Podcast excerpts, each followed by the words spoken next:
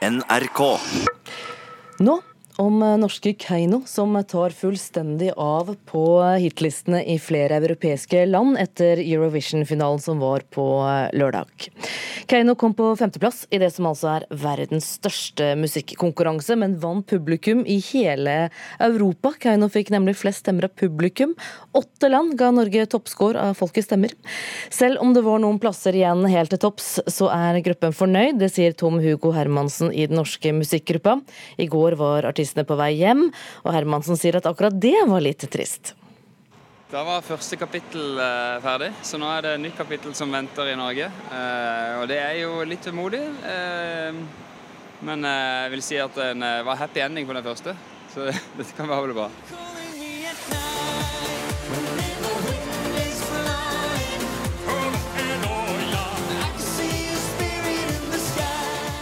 Det har vært en veldig fin opplevelse som jeg gjerne det her kunne gjerne vært hverdagen min for resten av livet. Men eh, nei, nå vant vi folk i Europa. Da skal vi hjem eh, til vårt, til vårt folk.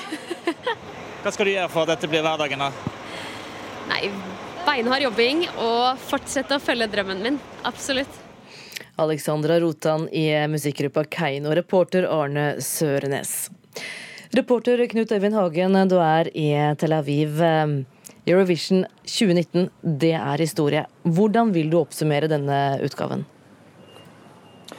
Det er en Eurovision som vil bli husket og markert i historiebøkene, og det på flere nivåer. For å ta det politiske først. Oppfordringer om boikott kom jo et helt år i forveien, da Israel vant. Og denne boikott-bøtteballetten varte jo frem til selve finaledagen. Man fikk en deltaker, altså islandske Hatari, som lovet at de ville markere sin motstand mot Israel. Og de gjorde det i green room ved å veive med palestinske flagg. Og Siste vers er ikke fortalt i den historien. EBU skal nå samle troppene og summe seg. Vi fikk tidenes mest berømte pauseinnslag, megastjernen Madonna, som slaktes. Og det blir spøkefullt sagt at hun traff omtrent like mange toner som artisten fra San Marino. Ikke så veldig mange. Um, og så fikk man jo det glade norske utfallet, da, hvor joiken beviste at den har større kraft enn krutt og universell gjennomkraft. Norge slo tilbake mot søta bror etter fem år med strake tap. Og så beviste jo Nederland at det selv i et sirkus som Eurovision er, går an å vinne med en eh, nedstrippet låt sunget av en mann ved et piano og med en falsett av eh, fløyel. Det er en eh, konkurranse som aldri blir traust eller tam. Nå er det farvel Tel Aviv, med neste stopp Amsterdam. Madonna fikk altså kritikk. Island risikerer straff for å vise fram det palestinske flagget under konkurransen. Har det blitt mye bråk om den palestinske markeringen til Island? Det har virkelig ikke blitt godt mottatt her i Israel. Kulturministeren og kringkasteren krever at eh, Island blir straffet. Hvordan det skal skje, vet man ikke. En mulighet er at de blir diskvalifisert og blir strøket fra listene. Vi kan bli nektet å delta neste år. Det vet vi ikke. Jeg forsøkte å få tak i Jon Ola Sand, sjefen for Eurovision, i går, men verken han eller EBU vil uttale seg, for dette er en spesiell situasjon. Og så får man se da, hvordan dette vil bli til slutt, og hvordan historiebøkene vil bli til slutt. Keino, norske Keiino har uh, tatt plass høyt oppe på hitlistene med 'Spirit in the Sky' flere steder i Europa etter denne finalen. Er det joiken som, uh, som, gjør det, eller hva, hva, er det? Jeg tror det er en kombinasjon av at det er en poplåt med et fengende refreng og moderne lydbilde, og så har man dette etniske elementet. Og man vet ikke at det er joik nødvendigvis i de andre landene i Europa, men det skiller seg ut. Eh, og det er faktisk sånn at man synger med på joiken, selv om det ikke akkurat er samisk de synger. Det blir samisk med Midtøsten-touch. Og eh, det er virkelig sjeldent at en norsk låt blir en så stor hit. Særlig når den eh, blir på femteplass. Så dette er et ekte Eurovision-fairytale for eh, Keiino, og for så vidt for eh, hele Norge. Takk skal du ha, reporter Knut Øyvind Hagen. En annen ting eh, som har eh, skjedd i det siste, er jo eh, filmfestivalen Cannes i Sør-Frankrike. Den ble arrangert for 72. gang. Den prestisjetunge filmfestivalen blir jo besøkt av mange filmstjerner, og er et sted for produsenter som vil skape blest rundt de nye filmene sine. Rune Temte, som er den første nordmannen som har gått inn i Marvel-universet, er i Cannes for å ta karrieren et steg videre. Ja, det er fantastisk å være her som den første nordmann på Marvel. Det er veldig bra. Vi er veldig glad for dette her. Det var i mars da storfilmen Captain Marvel hadde premiere som nordmannen kapret en rolle i. Det er første gang en nordmann er med i Marvel-universet.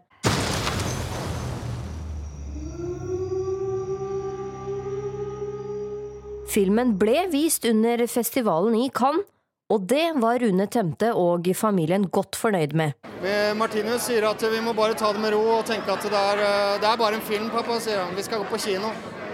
Jeg synes det er et eh, fantastisk opplegg, selvfølgelig. Det er jo helt eh, overveldende. Helt overveldende. Hva syns dere? Ja. Det er helt sykt. Helt sykt. Ja, jeg sier det som Martinus. Ja, de tok på meg sminke og greier. Så... Ja. Det ser bra ut. Og så er vi veldig stolte av Rune, da.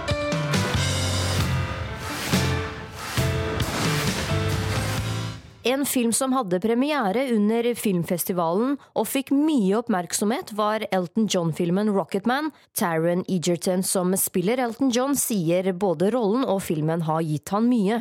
I just feel a, a, a huge sense of pride and um, and satisfaction, and I feel creatively fulfilled. We've worked really hard, and it's a big global thing potentially because it's about someone who's big and global, and um, and people seem to really like it, and uh, that's really nice.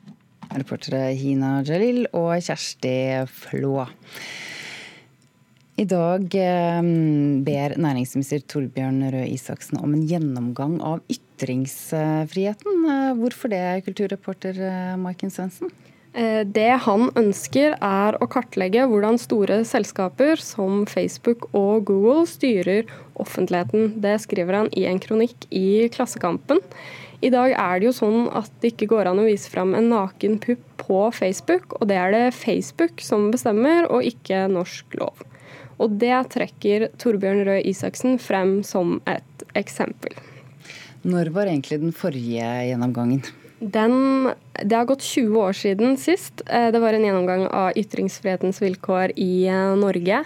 Isaksen mener at mange debatter om ytringsfrihet i dag fremstår som utdaterte, fordi teknologien har løpt videre. Er han eh, den første som ønsker dette? Nei, NTB skriver at lederen av tenketanken Agenda ba om det samme tidligere i år, og han fikk da støtte av Jonas Gahr Støre. Og så har det kommet nyheter fra Cannes-festivalen om eh, en nordmann. Det stemmer. Vi leser i The Hollywood Reporter at Aksel Hennie nå har fått en internasjonal rolle. Han skal spille i actionthrilleren The Doorman, hvor Ruby Rose også er blant skuespillerne. Hun, mange husker kanskje henne fra serien Orange is the New Black. Eh, hun har også bygget seg opp en følgerskare på hele 13,8 millioner på Instagram. Filmen den skal handle om en offiser som vender hjem etter at hun har vært ute i tjeneste. Hun skal bearbeide de traumatiske opplevelsene fra tjenesten og blir dørmann i en leilighetsbygning i New York. Det skriver The Hollywood Reporter. Har Aksel Hennie selv sagt noe om dette, eller? Han eh, skriver på Instagram at han er glad og takknemlig for å være en del av gjengen som jobber med filmen. I tillegg skriver han at han er i Bucuresti i Romania og spiller inn filmen for tiden. Takk, kulturreporter Maiken Svendsen.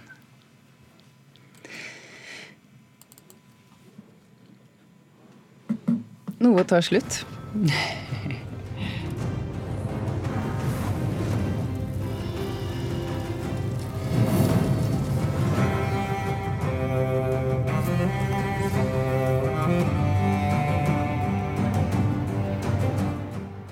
Ja, noe tar absolutt slutt nå, Ida. Aller siste episode i den aller siste sesongen av Game of Thrones eh, var i natt.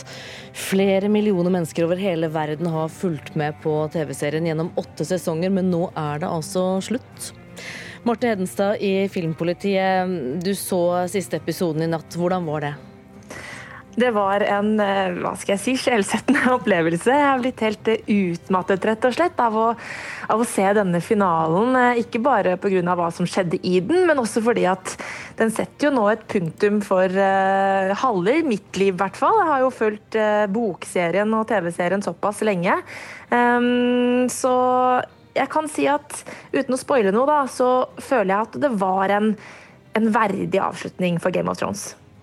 Ja, ja, for det var det jeg skulle spørre om. Hvordan står slutten seg etter mm. disse åtte sesongene? Altså, siste sesong har jo fått veldig mye kritikk av eh, store deler av fanbasen til Game of Thrones, fordi at folk har vært misfornøyde med, med hvordan eh, rollefigurer har endt opp osv. Um, men jeg syns at denne finaleepisoden kanskje har eh, rettet opp litt i det av, eh, mye av det som folk syns at resten av sesongen har gjort feil. Eh, og at vi fikk den bittersøte slutten som vi visste at skulle komme. Og at det ble et, et verdig punktum, rett og slett. Ja, du var jo så vidt innom det. Over én million fans krever at åttende og siste sesong blir laget på nytt. Hvorfor det? Nei, det er et eller annet med at skrivemåten til manusforfatterne har endret seg ganske drastisk eh, i det siste, og har gått fra et eh, veldig sånn eh, karakterdrevet manusarbeid til en mer plottdrevet handling. Og det har gjort at mye av det rollefigurene Der vi trodde at de skulle ha endt opp, har endret seg drastisk. Og det er folk misfornøyde med. Og så må man jo innrømme at manuset har ikke holdt samme standard som det har gjort i tidligere sesonger. Men likevel så har den siste sesongen vært noe av det mest spektakulære vi har sett på TV noen gang, syns jeg. Rent visuelt sett. Og jeg tror at folk, i hvert fall mange, vil slå seg til ro med den slutten som vi nå har fått. Ja, nå, nå, kan vi jo ikke si så mye om hva som faktisk skjer, men hvordan vil du likevel oppsummere Game of Thrones? Oi. Eh, hvis jeg skal oppsummere Game of Thrones som helhet, så vil jeg si at dette har vært en helt eh, utrolig fascinerende reise fra begynnelse til slutt. Det har vært en berg-og-dal-bane av eh, følelser. Og nå må jeg rett og slett bare ta et sånt uh, dypt pust og et steg tilbake før jeg skal sette meg ned og og skrive anmeldelse av hele denne åttende sesongen. Ja, for dette har altså vart i åtte år, åtte sesonger. Millioner av mennesker verden over har eh, sett serien. Hva er det som gjør at så mange har knyttet seg til eh, da spesielt eh, denne serien Game of Thrones? Det handler veldig mye om rollefigurene i serien. At de har hatt veldig interessante karakterutviklinger underveis. At de for det meste ikke har vært verken udelt gode eller udelt onde. Det har vært eh, dybde i dem, eh, og vært veldig spennende å følge deres reise i dette universet. Og det som jo har gjort at Game of Thrones har favna bredere enn uh, mange fantasy-serier gjør, er jo nettopp at dette har vært et karakterdrama, det har vært et politisk drama eh, og nesten en såpeserie til tider. Eh, samtidig som det har vært kvalitet i alle ledd. Eh, og så har jo kanskje noe av kvaliteten eh, blitt rikka litt på i de siste sesongene, men likevel så har jo dette vært storslagen TV hele veien. Takk skal du ha, Marte Hedenstad i Filmpolitiet.